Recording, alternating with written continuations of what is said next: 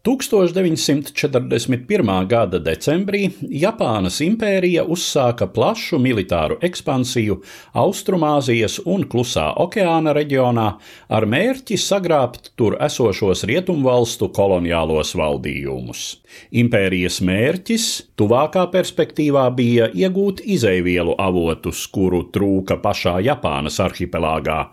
Tālākā perspektīvā veidot šai reģionā tā saukto lielo austrumā Austrumāzijas kopējā uzplaukuma sfēru, ģeopolitisku telpu, kurā nebūtu vietas rietumniekiem un kuras hegemons būtu Japānas impērija.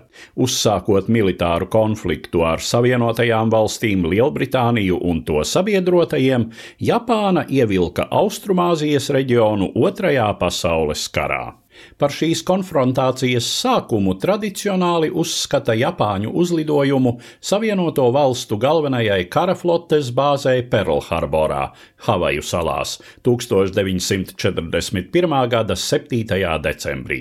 Patiesībā vienlaicīgi, bet dažos gadījumos pat agrāk par šo triecienu, Japāna devās uzbrukumā vairākiem citiem rietumvalstu atbalsta punktiem un teritorijām reģionā, taču uzbrukuma brīdī, kad Havaju arhipelāgā vēl bija 7. decembris, Otrpus datumu maiņas līnijai Austrumāzijā jau bija 1941. gada 8. decembris, ar ko arī tiek datēti šie uzbrukumi.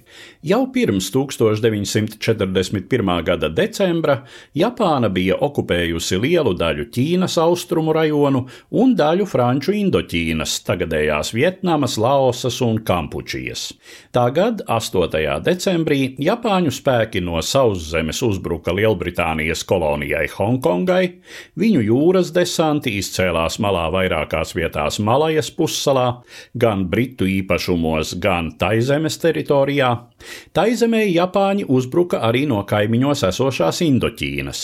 Tāpat šai dienā Japāņu desants ieņēma pirmo nelielo salu Filipīnu arhipelāga ziemeļos, uzsākot Filipīnu iekarošanu, un izsēdās Guamas salā amerikāņiem piedarošajā Marijānu arhipelāgā. Visas šīs operācijas tika izvērstas apmēram 2000 km radiusā, prasīja milzīgu plānošanas un organizācijas darbu, un ļoti lielā mērā bija pārsteigums impērijas pretiniekiem.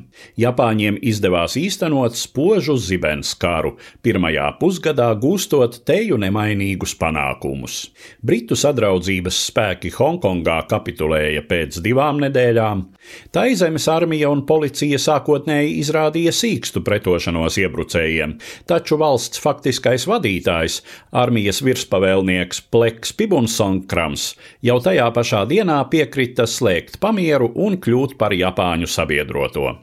Britu sadraudzības spēki ar kaujām atkāpās uz Malajas pussalas dienvidiem, un 1942. gada janvāra nogalē Japāņi pietuvojās Singapūrai, kas pēc nedēļu ilgas pretošanās kapitulēja 15. februārī arī paverot ceļu tālākai ekspansijai Nīderlandes austrumindijas, respektīvi Indonēzijas virzienā.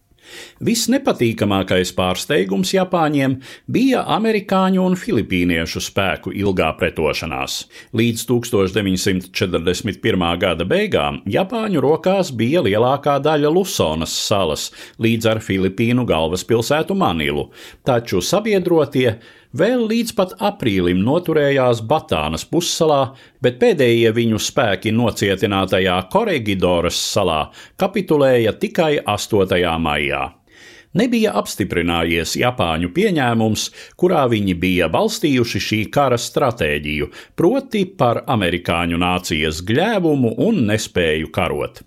Patiesībā jeņķi izrādījās negaidīti sīksti karotāji, kas visai ātri mācījās no savām sākotnējām kļūdām, un jau drīz Japāņiem bija jādomā, kā noturēt savā zibenskarā ieņemtās teritorijas. Stāstīja Eduards Liniņš.